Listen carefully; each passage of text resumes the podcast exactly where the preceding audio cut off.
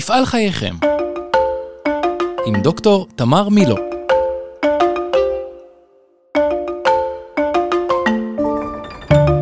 שלום, אני שמחה לפתוח את העונה השלישית של הפודקאסט מפעל חייכם שעוסק בעסקים משפחתיים.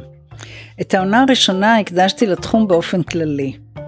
העונה השנייה התמקדה בדור ההמשך, ובעונה הזאת אני רוצה לעסוק דווקא בדור המבוגר, במייסדים של העסקים. מדוע? כי אני עובדת איתם הרבה, כי הם הגלגל שמניע את כל המערכת העסקית משפחתית, וכי במהלך שנות עבודתי למדתי עוד ועוד על הדברים שמניעים אותם, וגם על הדברים שמדאיגים אותם. אני רוצה לציין שכשמדובר בדור המבוגר, לא תמיד אני מסמלת את הפתרון. כי אני עוסקת בעיקר בהמשכיות בין דורית בעסקים, וזה אחד הפתרונות האפשריים, אבל לא תמיד הוא הפתרון המתאים לעסק ולמייסד. יש עוד פתרונות. הכנסת שותף אסטרטגי, מכירה, הנפקה ועוד. כולם לגיטימיים. מה שחשוב הוא התכנון קדימה. האומץ להסתכל על העתיד ולהכיר בכך שמה שהיה איננו מה שיהיה. לפעמים אני אומרת למשפחות, הרי ברור שמה שהיה המפתח להצלחה בשלושים שנה האחרונות, לא בהכרח יהיה המפתח להצלחה בעשרים שנה הבאות, וזה מאוד ברור להם. אבל איך זה, מה המשמעות של זה עבורם, זה קצת יותר קשה. חשוב להגיד שעל אלטרנטיבה של לא להסתכל לעתיד זה למכור את העסק במכירת סוף עונה כאשר בני המשפחה עמוסים רגשית בין כה וכה. שזה לצערנו קורה די לעיתים קרובות. אבל מי שמוכן להביט קדימה אל העתיד ולתכנן יחד עם בני משפחתו, יבחר בפתרון שמתאים לו ומתאים למשפחה, ובכל מקרה יעשו בחירה מודעת ומושכלת. אני חושבת שזה המסר העיקרי שלנו בעונה הזאת. חשוב גם לזכור שהפתרון של המשכיות משפחתית מצריך קיומם של תנאים, שאם הם אינם מתקיימים, עדיף פשוט לא ללכת בדרך הזאת. לכידות משפחתית מצריכה השקעה, שיח פתוח וייחוס חשיבות ערכית לעניין המשפחה. אני אספר כאן שהיה לנו בן של משפחה שנסע לסמינר עסקים משפחתיים בשיקגו. והוא חזר אחרי שבוע כולו מלא התלהבות, פגש את 20 המשפחות המובילות והמרצים הכי טובים וחזר עם קלסר עבה והכל. שאלתי לו יופי נהדר, אבל מה הדבר האחד שאתה לוקח מכל השבוע הזה? הוא אומר שעסק משפחתי זה כאב ראש גדול. אז זה באמת לא מתאים לכל אחד ולכל משפחה. ואני חוזרת ואומרת למשפחות, אם זה לא מתאים לכם להשקיע בעבוד, בזה עבודה, אל תלכו לכיוון הזה. לא צריך, אפשר גם למצוא פתרונות אחרים. הזמנתי לשיחה הזאת את אלון פנחס שיושב כאן איתי. אלון גם עוסק בעסקים משפחתיים, אבל דרך פתרון שונה משלי. בשנות ההיכרות שלי עם אילון התרשמתי מאוד מההתעניינות המעמיקה שלו בנושאים העסקיים והפסיכולוגיים שקשורים במייסדים. הוא פוגש הרבה, יודע הרבה ואינו עייף מלשאול שאלות. אילון הוא איש השקעות ותיק, המייסד והשותף המנהל של קרן לגאסי ישראל, המתמחה בפתרונות השקעה ארוכי טווח בחברות משפחתיות או בחברות הנמצאות בבעלות המייסד. חשוב לי שאלון יספר מה הוא עושה ואיך ואיפה הוא פוגש את מייסדי העסקים. ביחד אנחנו נרצה להעלות כמה מהחסמים שמונעים רבים מהמייסדים לחשוב ולתכנן קדימה. בהמשך העונה נרצה לשוחח בכל פרק עם מייסד או מוביל של עסק שבחר באחד מהפתרונות להמשכיות של העסק. אחד שבחר בהכנסת בני משפחה, אחד שבחר בהנפקה, אחד שבחר במכירה או הכנסת שותף משקיע. המשותף לכל אלו שנשוחח איתם הוא שהם העיזו להסתכל קדימה, להכיר בשינויים ולתכנן. אבל בואו נתחיל עם אלון, שלום לך. שלום תמר. מבחינתך חשוב לי ככה שתספר למה אתה משתתף בשיחה הזאת ומה חשוב לך להעביר בה? אני מאוד מתחבר עם הנקודה שהעלית בתחילת הדברים לגבי הצורך בתכנון קדימה. אני פוגש לא מעט מייסדים ומשפחות בעלות עסקים שמגיעים לנקודה שהם צריכים לבחון את הנושא המעבר הבין דורי והם כביכול מופתעות פתאום מהמצב שפתאום מגיעה הנקודה שבה הם צריכים להתמודד עם הדבר הזה. ההפתעה הזאת היא גורמת בלא מעט מהמקרים לכל מיני לחצים שכמובן משפיעים על האופן שהם צריכים לקבל החלטות ועל הדינמיקה המשפחתית. ניתן היה להיכנס למצבים האלה באופן אחר אם הם היו מתכננים מראש. אילון, אולי תרצה להתחיל ולספר אה, למה הגעת לעסוק בעסקים בבעלות משפחתית ומה למדת לפני ותוך כדי עבודתך על המייסדים דווקא.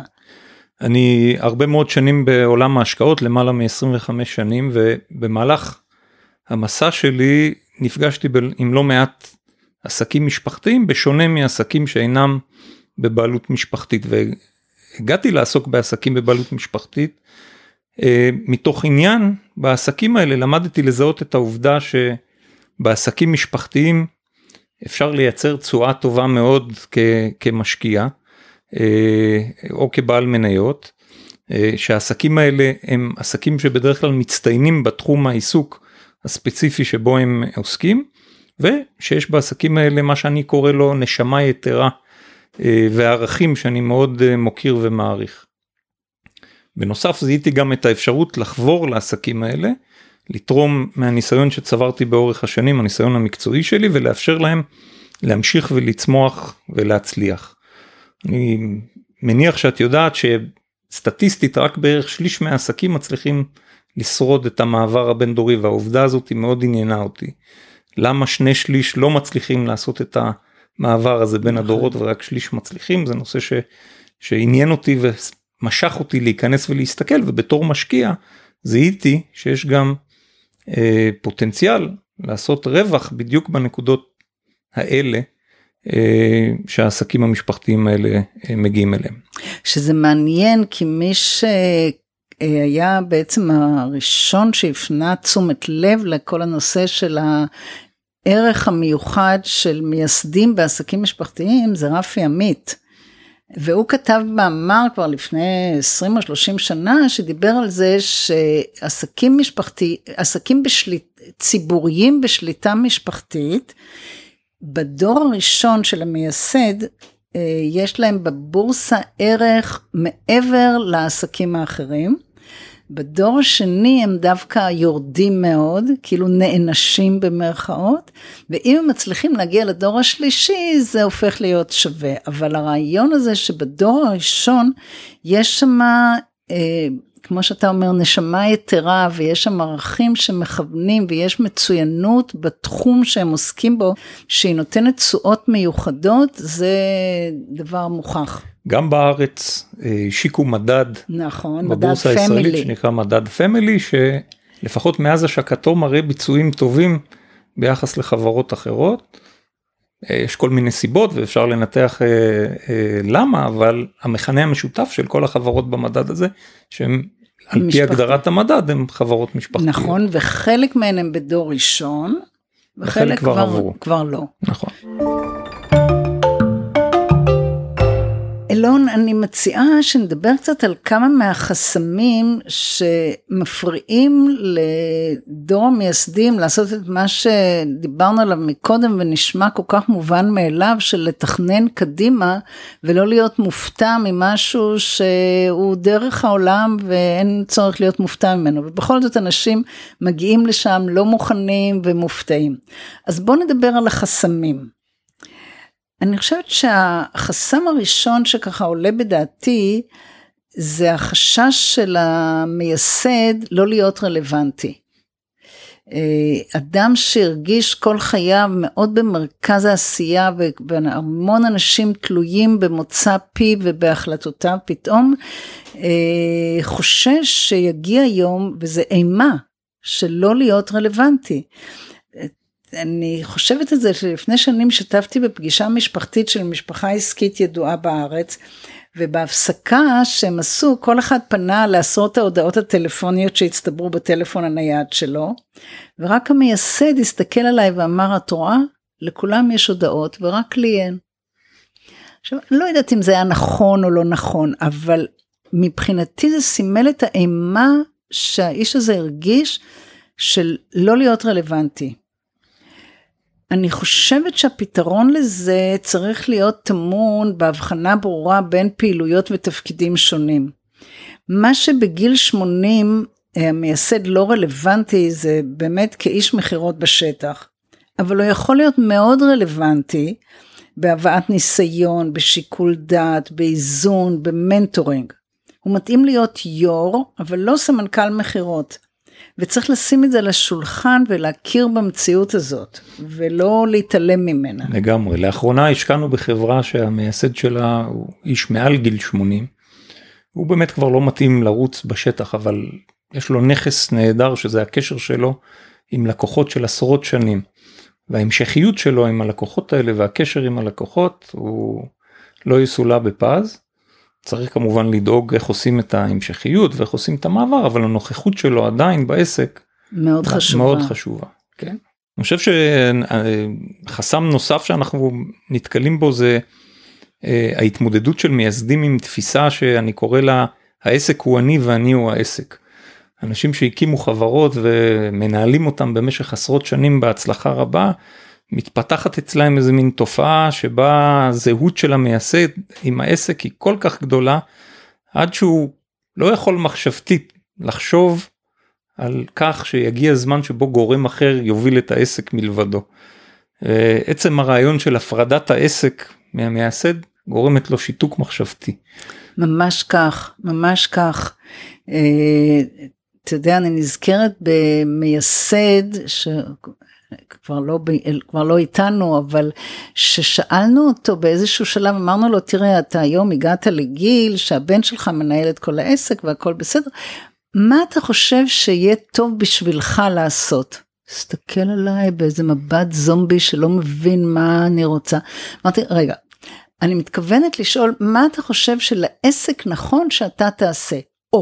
עכשיו הוא יכול להתייחס לשאלה, כי העסק זה הוא. העסק זה הוא, נכון, ככה הם מתייחסים לזה. אגב, יש לזה כל מיני השלכות גם על אה, צורת ההפעלה של העסק, על, על אה, גבולות בניהול הפיננסי של העסק, הרבה פעמים אנחנו רואים שאנשים שכל כך מזוהים עם העסק, אין הפרדה שהיא אמורה להיות בין האישות המשפטית שנקראת העסק ובין האישות כן. המשפחתית ושם זה פתח לכל מיני נכון. עניינים שאחר כך צריך אה, גם להשקיע בהם בשביל לסדר. נכון, אין, אין שום ספק. עוד, עוד חסם שאנחנו רואים לא מעט זה, אה, זה, זה, זה הפחד של המייסדים שאין להם שום דבר אחר בחיים מלבד העבודה. שהם מכירים. הם באים מוקדם בבוקר לעסק הם יוצאים מאוחר בלילה הם ישנים וחושבים את העסק ומלבד העסק הם, הם, הם לא פיתחו לעצמם שום דבר אחר. אנחנו זה תופעה שאנחנו רואים בהרבה מאוד מהמקרים שלמשל אין להם תחביבים. וזה אה, זה משהו שמאוד קשה בטח כשמגיעים למצב שבו צריך קצת לשחרר ומוצאים את עצמם פתאום עם זמן פנוי הם לא יודעים מה לעשות אה, עם עצמם. אנחנו עכשיו בדיוק מתנהלים בתהליך מול איש כזה, יש לו עסק מאוד מאוד מצליח, העסק זה הוא, הוא זה העסק, ולאיש הזה אין שום דבר, אין שום עיסוקים, שום תחביבים, הוא לא יוצא לחופש, הוא לא יודע כבר אחרי כל כך הרבה שנים שהוא מנהל את העסק של עצמו, הוא לא יודע איך לוקחים חופש. ו... אתה יודע, היה לי פעם אה, איש שהגיע הנה ואמר לי, כשהתחתנו אשתי אמרה לי I love you forever but not for lunches. והוא אומר ועכשיו אני פרשתי ואני לא יודע מה לעשות בזמן ארוחת הצהריים אסור לי להיות בבית אני הבטחתי לאשתי שאני לא אהיה.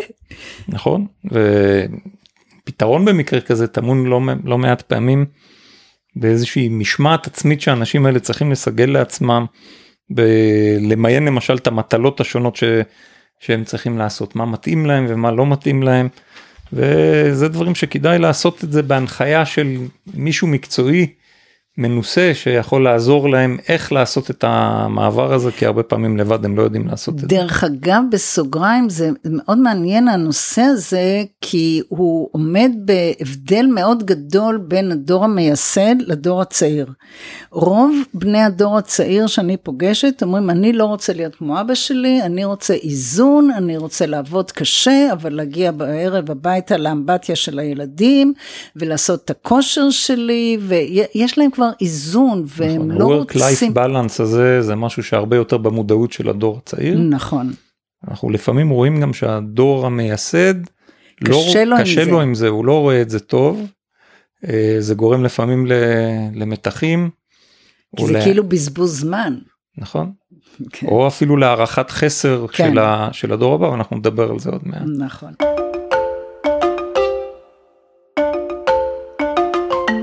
עוד חסם שאני רואה אותו הרבה זה כל הנושא של הפחד מהמוות. אה, כי למרות שהמוות זה הדבר היחיד שהוא בטוח בחיים שלנו, כולנו יודעים שנצא מפה יום אחד בדרך הזאת, אף אחד עוד לא יצא בדרך אחרת. אבל הפחד מהמוות הוא גם אנושי, גם אוניברסלי, וגם אה, מונע מאנשים אה, לתכנן מה יהיה ביום שאחרי. אה, יש אה, יועץ מאוד ידוע בתחום העסקים משפחתיים, איוון לנצברג, שכתב לפני למעלה מ-20 שנה אה, מאמר על קשר השתיקה שנוצר סביב מותו המתקרב של המייסד. ושם הוא מסביר איך המייסד עצמו, בני משפחתו, העובדים שלו, הלקוחות, הספקים, כולם יש להם אינטרס להמשיך את הקיים ולא להסתכל על זה שיום אחד זה ייפסק וזה יצטרך להשתנות. ו- והוא אומר, ואז הם עוטפים אותו באיזה קשר שתיקה כזה שלא מדברים על המוות, לא מדברים על מה יהיה בעתיד. אה, כי כולם חוששים מלהתמודד עם העובדה שהקיים לא יימשך לנצח, אלא ישתנה, ולכן במקום להתכונן למשהו שהוא בטוח יקרה, הם מתעלמים ממנו. נכון אני חושב שזה משהו שהוא לא הוא לא רק רלוונטי לעסק משפחתי הוא רלוונטי בכלל להוויה המשפחתית ול, אה, ולהתמודדות עם הנושא הזה. אנחנו לצערנו רואים יותר מדי מקרים שבהם אנשים לא התארגנו אה, לקראת הדבר הזה למשל בהכנה של צוואה או כלים אחרים שיש היום. תשאל את עורכי הדין מה אחוז האנשים שכותבים צוואה למרות שכולם יודעים שהם צריכים את זה, נמוך, נמוך ביותר. מאוד נכון ואז לצערי זה במקרים מסוימים בטח כשיש מעורבות של עסק משפחתי גורם לצרות לא מעטות נכון. במשפחה. נכון. עוד חסם נוסף שאנחנו רואים אותו הרבה אה, זה העניין של עד כמה המייסד סומך על הדור הצעיר או יותר נכון להגיד עד כמה הוא לא סומך על הדור הצעיר. אה, בעצם יש איזו הערכת חסר בעיקר מקצועית אה, של הדור הצעיר. אז קודם כל צריך להגיד שיש פער שכמעט לא ניתן לגשר עליו בין המייסד לבין דורות ההמשך. המייסד, אתה יודע, אה, דניס יפה כתב פעם שהמייסד הוא immigrant to the land of wealth. והדור ההמשך הם כבר natives to the land of wealth. בעברית זה אומר מהגר למדינת העושר לעומת יליד במדינת העושר. וזה שני דברים שונים, שונים לחלוטין. לחלוטין. אז הוא אומר האימיגרנטס זה אנשים שתמיד זוכרים איך זה היה במדינת המקור לפני שהם היגרו והם גם יודעים שאם הכל ילך לאיבוד ויכול ללכת לאיבוד הם יקימו את זה בחזרה כי הם כבר עשו את זה פעם אחת יעשו את זה עוד פעם. ה-native to the land of wealth כבר גדל עם רשת ביטחון הוא לא יודע לגדול אחרת. עכשיו הוא מוצא את עצמו מול המבוגר שהמבוגר מספר לו כשאני הייתי בגילך כבר עשיתי ככה וככה. זה סיפורים זה לא מעניין, זה לא רלוונטי, זה לא מחבר, זה רק סיפורים. ויש משהו שזה לא יכול להיכנס לנעליים של זה וזה לא יכול להיכנס לנעליים של השני, זה פער שקשה לגשר מאוד, עליו. קשה מאוד לגשר עליו. כבר דיברתי בעונה הראשונה על זה שהמייסד רוצה לחסוך מילדיו או נכדיו את הקשיים והכאבים שהוא חווה, ובטוח הם חוו כאבים, הם לא, גם אם הם לא מספרים על זה, זה היה קשה מאוד. וכתוצאה מכך, הוא אוהב את הילדים שלו ואת הנכדים שלו, אבל הוא לא בהכרח מעריך אותם. את מי הוא מעריך? הוא מעריך את המנהלים שהוא מגייס, כאלה ששפשפו את המרפקים ואת הברכיים והלכו בקשיים שהוא עבר, זה הוא מעריך. את הילדים שלו הוא אוהב, אבל הוא לא מאמין שהם באמת יוכלו להתמודד בקשיים כמו שהוא התמודד איתם. אה, והילדים הרי מה הם רוצים? הם רוצים שההורים יעריכו אותם, לא רק יאהבו אותם אלא יעריכו אותם.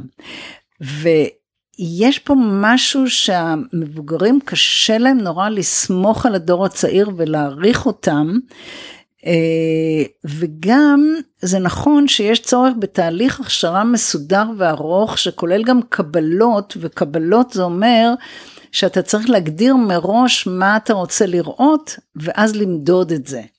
כי אחרת, חשובה מאוד. כי אחרת מה אתה זוכר? אתה זוכר את הוויכוח האחרון שהיה לך במסדרון, או את הכישלון האחרון. אבל אם אתה קובע יעדים ואתה אומר, אני רוצה שבחצי שנה הבאה נשיג X, אם הוא השיג את זה, תעריך את זה, תכיר בזה. וזה נכון. לא קורה. אה, כי כמו שאמרת קודם זה מסוג הדברים שצריך להיערך אליהם מראש ולתכנן אותם זה לא בא באופן טבעי להרבה אנשים. אני חושבת שגם חשוב ב, כדי לייצר אה, אה, תחושה של אני יכול לסמוך על הדור הצעיר, אה, חשוב מאוד לבנות איזשהו תהליך מסודר של שותפות בין דורית, שראינו איך אנחנו חושבים ביחד, איך אנחנו מקבלים החלטות ביחד, איך אנחנו מגיבים על אה, קשיים ועל משברים ביחד, איך אנחנו מבינים את הרוח הכללית שלנו, באיזה כיוון אנחנו הולכים, איך אנחנו עושים שיקולי דעת. כי אם זה לא מתקיים, אז נורא קשה להעריך את הדור הצעיר. לגמרי, נכון.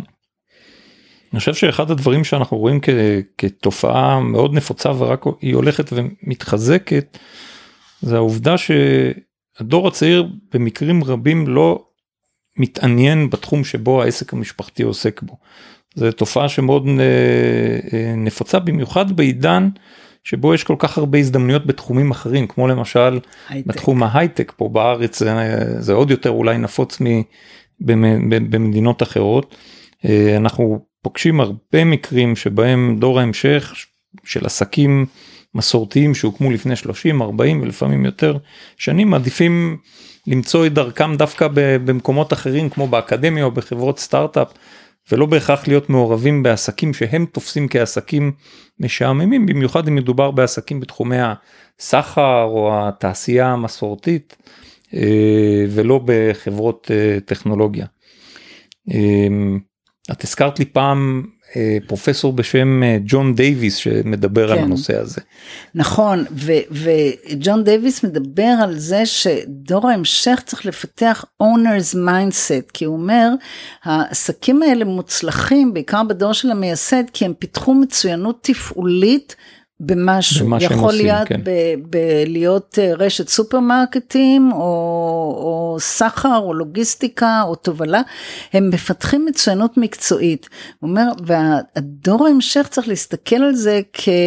אה, בתפיסה של בעלים שאומרת גם אם אני אמכור את העסק הזה או אצא מהתחום של הסופרמרקטים כי זה לא מעניין אותי. אבל מה אנחנו רוצים לעשות ביחד? מי אני רוצה להיות בעולם? איזה חותם אני רוצה להשאיר? מה כדאי לי להשקיע בו היום? זה חשיבה של בעלים, והוא אומר אם יש למשפחה את השילוב של חשיבה של בעלים וחשיבה תפעולית ומצוינות תפעולית, הם יכולים באמת אה, לשרוד. נכון, זה באמת גם, זה, זה מביא לעוד דילמה שאנחנו רואים אצל בעלי, אה, בעלי עסקים ש...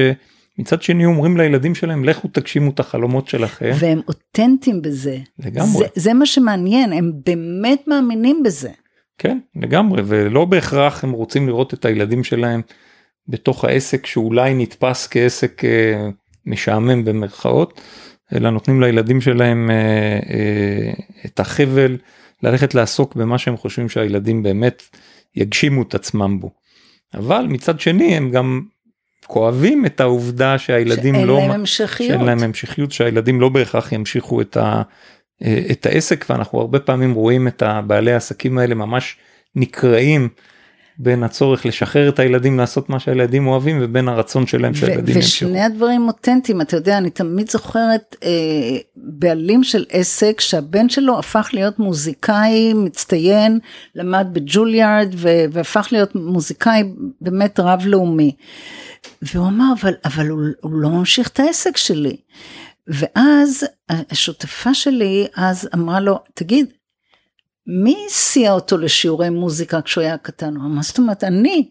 ומי מצא לו את המורים וקנה לו את הפסנתר הראשון? אני? אני. אז אתה עשית את זה, מה אתה מתלונן היום? הוא בסך הכל הגשים את מה שאתה רצית. הוא לא חשב על זה ככה. נכון, אבל באמת, אני לא יודע אם אני, אם יש לי איזה מסקנה אמפירית בעניין הזה, אבל יש עסקים שבהם דור ההמשך גדל לתוך העסק ו... ומשתלב בו היטב ומצליח לקחת את המושכות ולעשות את המעבר הבין דורי. יש גם עסקים שבהם דור ההמשך יצא לעשות כמו שאני קורא סיבוב בשדות זרים, למד, עשה דברים אחרים ובאיזשהו שלב חוזר, חוזר. לעסק המשפחתי וזה גם שילוב שיכול לעבוד טוב מאוד. המכנה המשותף של שני הדברים שהדברים נעשים בפתיחות ובשיח בריא בין, בין הדורות ושניתנה אפשרות לדור ההמשך לבחור את מה שהוא רוצה ולא בכפייה. ו- וכל זה נכון ועוד לא דיברנו על הנושא של השותפות הבין-דורית, זאת אומרת, של השותפות של האחים, של הצורך של האחים להיות ביחד. כן. כי המייסדים הם בדרך כלל לונרים.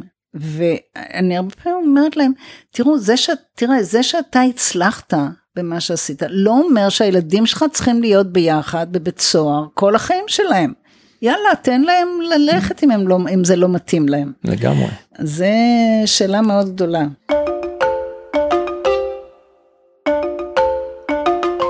אני רוצה להעלות פה גם את הנושא המגדרי. או, זה נושא שעכשיו הרבה בכותרות. הרבה בכותרות, אבל אה, אני פוגשת בנות של מייסדים שמספרות שהם הוסללו למקצועות של פסיכולוגית, עובדת סוציאלית, ספרנית, אולי אפילו רופאה, והאבות שלהם אומרים שלא, במקרה הבן הוא בעסקים ומשפטים והבת הלכה לכיוונים אחרים. אה, ואז התוצאה היא שרק הבנים הזכרים מועמדים לתפקידי ניהול בעסק, בין אם הם מעוניינים בזה או לא מעוניינים, והבנות לא. עכשיו, זה הולך ומשתנה, כמו שאמרת, בעולם וגם אצלנו בארץ. אה, דרך אגב, המעניין הוא שאחת הסיבות לשינוי הזה, או אחת המקומות שבהם זה השתנה מאוד חזק, זה בסין, בגלל מדיניות הילד האחד, שהרבה פעמים הילד האחד היה בת, ואז הבת אה, באופן אה, כמעט בחוסר ברירה, אה, ירשה את כל האימפריה שאבא הקים והפכה להיות אה, מנהלת וזה יצר איזשהו שינוי בסטטיסטיקה של בנות ממשיכות אבל זה לא רק זה. יצא לך תמר ללוות פעם מייסד דט של עסק או אישה שעמדה בראש עסק משפחתי? אני יודע שמספרית גם אני נתקל במעט אבל מעט מאוד יש יש אבל די מעט. ושם אבל הייתה התייחסות שונה לדור ההמשך? הייתה לי אחת שהייתה בסכסוך מאוד גדול עם הבן שלה, זה לא עבד טוב. אה, אני חושבת שמייסדות עם הבנות שלהם זה דינמיקה אחרת, ועם הבנים זה שוב דינמיקה אחרת. אה, אבל המספרים קטנים, קשה, קשה עוד להגיד. בכל מקרה אני חשוב לי להגיד שאני מעודדת נשים לא לראות את עצמן כמי שלא מבינה בענייני כספים. אין דבר כזה. אה, את צריכה לקחת אחריות על המצב שלך ועל החיים שלך ועל מה שיש ומה שאין. אבל אם אנחנו חוזרים לנושא של חסמים בתכנון ההמשכיות, אחת הסיבות שאבות מייסדים אה, מרגישים שאין להם מי שימשיך את העסק זה שיש להם בנות. ובנות לא יכולות להמשיך את העסק, ברור שלא.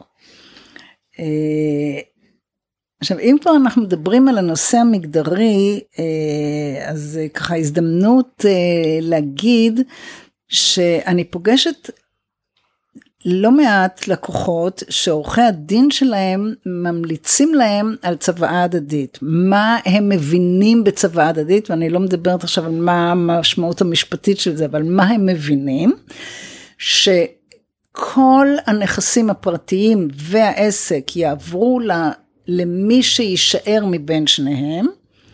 אם הבעל יישאר אחרי האישה אז כמובן הוא ימשיך, אבל אם האישה תישאר אחרי הבעל, אז היא תקבל את כל העסק. עכשיו, אני, כשהם אומרים לי את זה, אני אומרת, רגע, אבל האישה הזאת שכל חייה בנתה יחסים עם הילדים שלה, יחסים של אימא ו- וילדים, היא אף פעם לא הייתה שותפה עסקית שלהם. פתאום אתה רוצה... שהיא תהיה שותפה עסקית, ואז ימשכו אותה לכל כיוון שאפשר, כדי שהיא תצביע כך או תצביע אחרת. למה אתה רוצה לעשות לה את זה? עורכי דין לא חושבים על זה. מה היית מצפה אז שבמעמד הכנת הצבא איך יתייחסו לנקודה הזאת? אני מצפה שיבטיחו את עתידה הכלכלי של האישה הזאת כל מה שהיא תצטרך גם לחיים אה, סיעודיים גם לזקנה למחלות שיבטיחו אותה אבל שאת המניות יעבירו לדור הצעיר ולא יערבו אותה, כדי שהיא תוכל להמשיך להיות האימא שמאכילה ודואגת כמו שהיא הייתה, ולא תצטרך להיות שותפה עסקית במשהו שהיא לא מבינה בו. זו נקודה חשובה מאוד.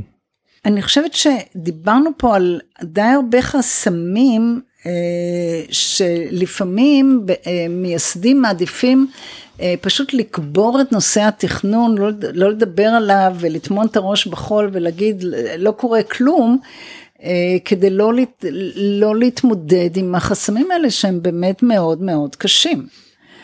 נכון, אה, אגב, אחד, זאת אומרת, כאילו לא קורה כלום, אבל בעולם קורים כל הזמן דברים. אחד החסמים באמת ש, ששווה לציין, או שכדאי לציין, זה, זה, אני קורא לזה פחד מקדמה, אנחנו רואים לא מעט יזמים או בעלי עסקים, בדרך כלל בעסקים שהם יותר אה, מסורתיים, שמאוד מפחדים מקדמה טכנולוגית ומהשינויים הטכנולוגיים.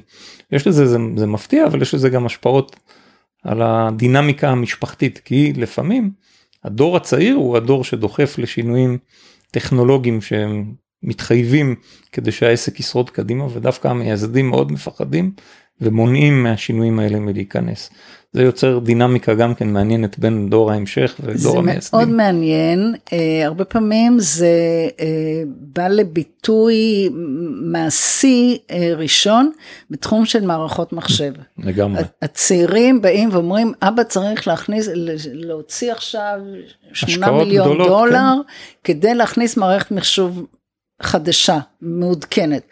אבא מסתכל ואומר, בשביל מה, נכון. בשביל מה צריך? אני יודע למצוא את השגיאה בתוך 500 מספרים, מה הבעיה? וחבל, אנחנו רואים דווקא בהשקעות שאנחנו עושים שהכנסה של טכנולוגיה יכולה להקפיץ את העסק מאוד קדימה, הוא צריך לעשות את זה רק ברגישות הנכונה ובצורה מתואמת. אז אילון, אני רוצה לשאול אותך, בהנחה שבעלי עסקים מצליחים להתגבר על החסמים והם רוצים לתכנן את העתיד, איזה פתרונות עומדים בפניהם? אמ, יש מגוון של פתרונות שצריך לשקול, אני חושב שאחד הכלים הראשונים שבעלי עסקים צריכים לחשוב עליהם, אה, כדי להתגבר על חלק או כל החסמים שדיברנו עליהם, הוא יצירה של דירקטוריון מקצועי. אה, עם דירקטורים חיצוניים זה אחד הכלים הראשונים שיכולים לעזור לבעלי עסקים אה, לתכנן את המעבר הבין דורי ולתכנן את העסק קדימה.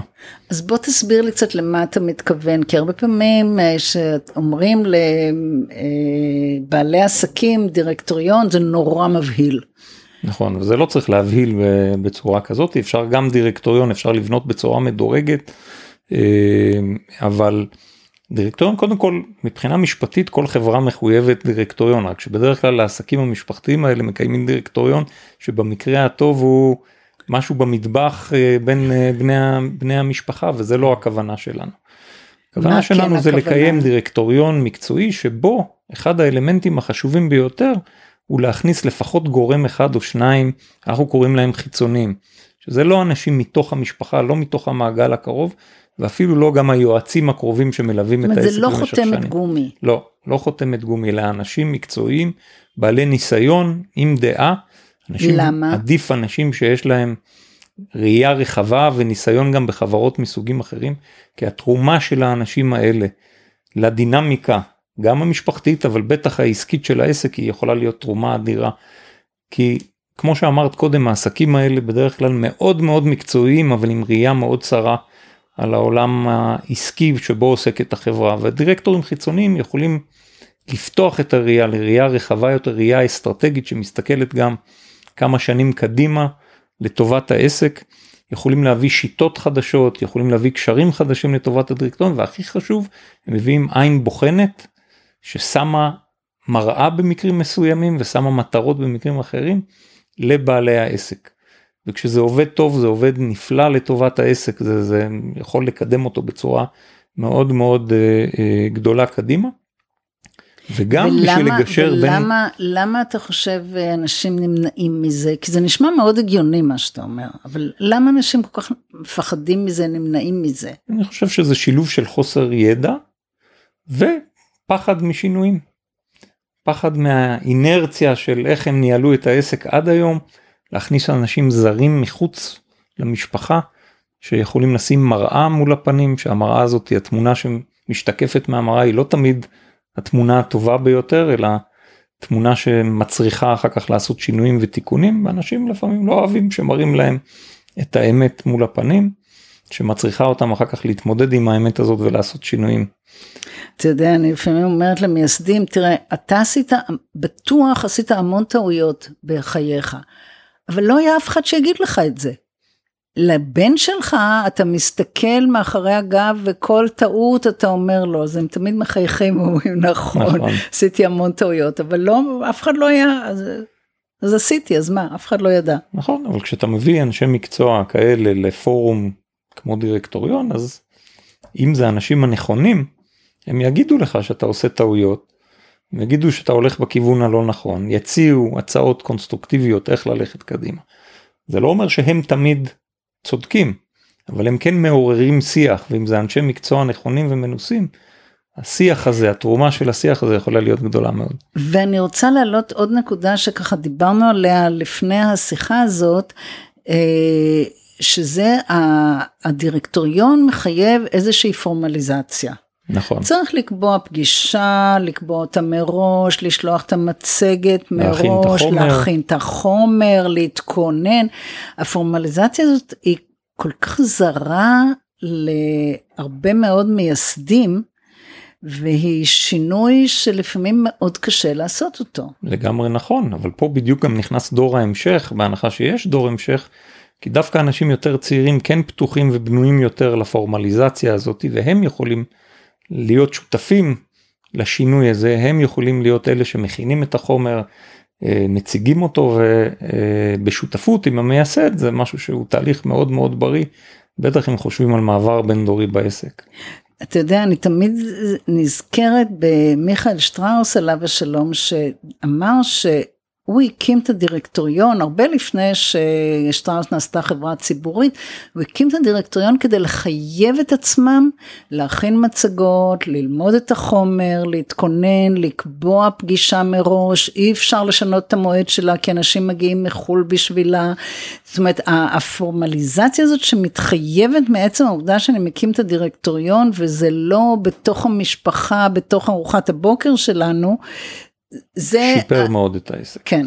ואגב מסיפורי שטראוס אז באמת אחד הדירקטורים החיצוניים הראשונים שהם הביאו היה איש תעשייה אירופאי.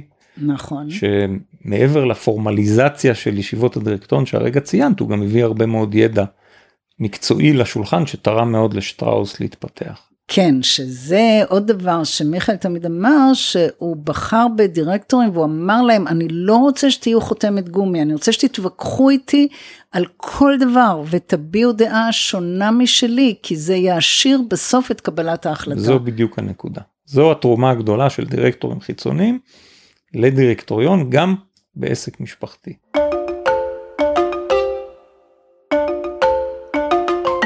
אז אני חושבת שאנחנו שנינו מסכימים שהקמה של דירקטוריון זה איזשהו שלב ראשון, ואחר כך הפתרון לגבי ההמשך הוא יכול להיות אה, שונה בהתאם למה שמתאים למייסד ומה שמתאים לעסק שלו.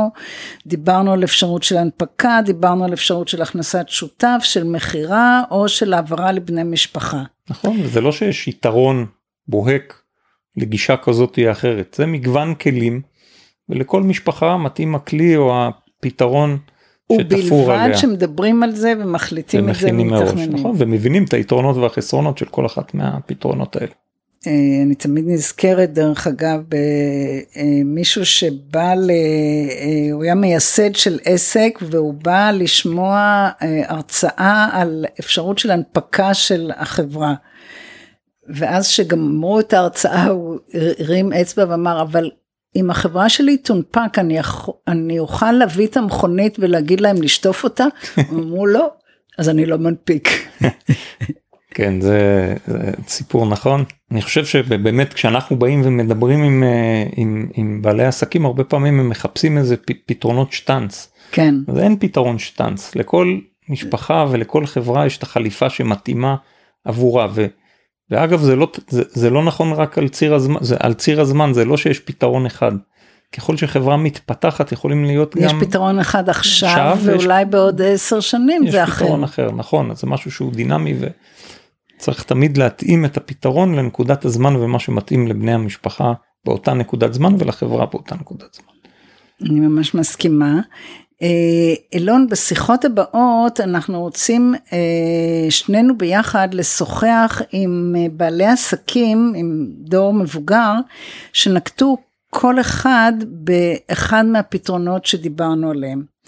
אה, ואנחנו נשאל אותם למה הם עשו את זה, מה הם למדו מזה, מה יש להם להציע לאחרים, ודרך זה להשאיר בעצם את עצמנו ואת השומעים בכל הנושא של איך אה, ממשיכים עסק מוצלח. נכון, אז באמת ננסה להציג מניפה של דוגמאות של בעלי עסקים משפחתיים, כל אחד מהם בחר בפתרון אחר, אחר. שהתאים לו באותה נקודת הזמן.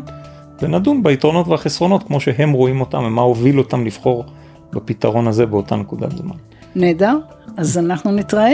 כן, בהחלט, נשתמע.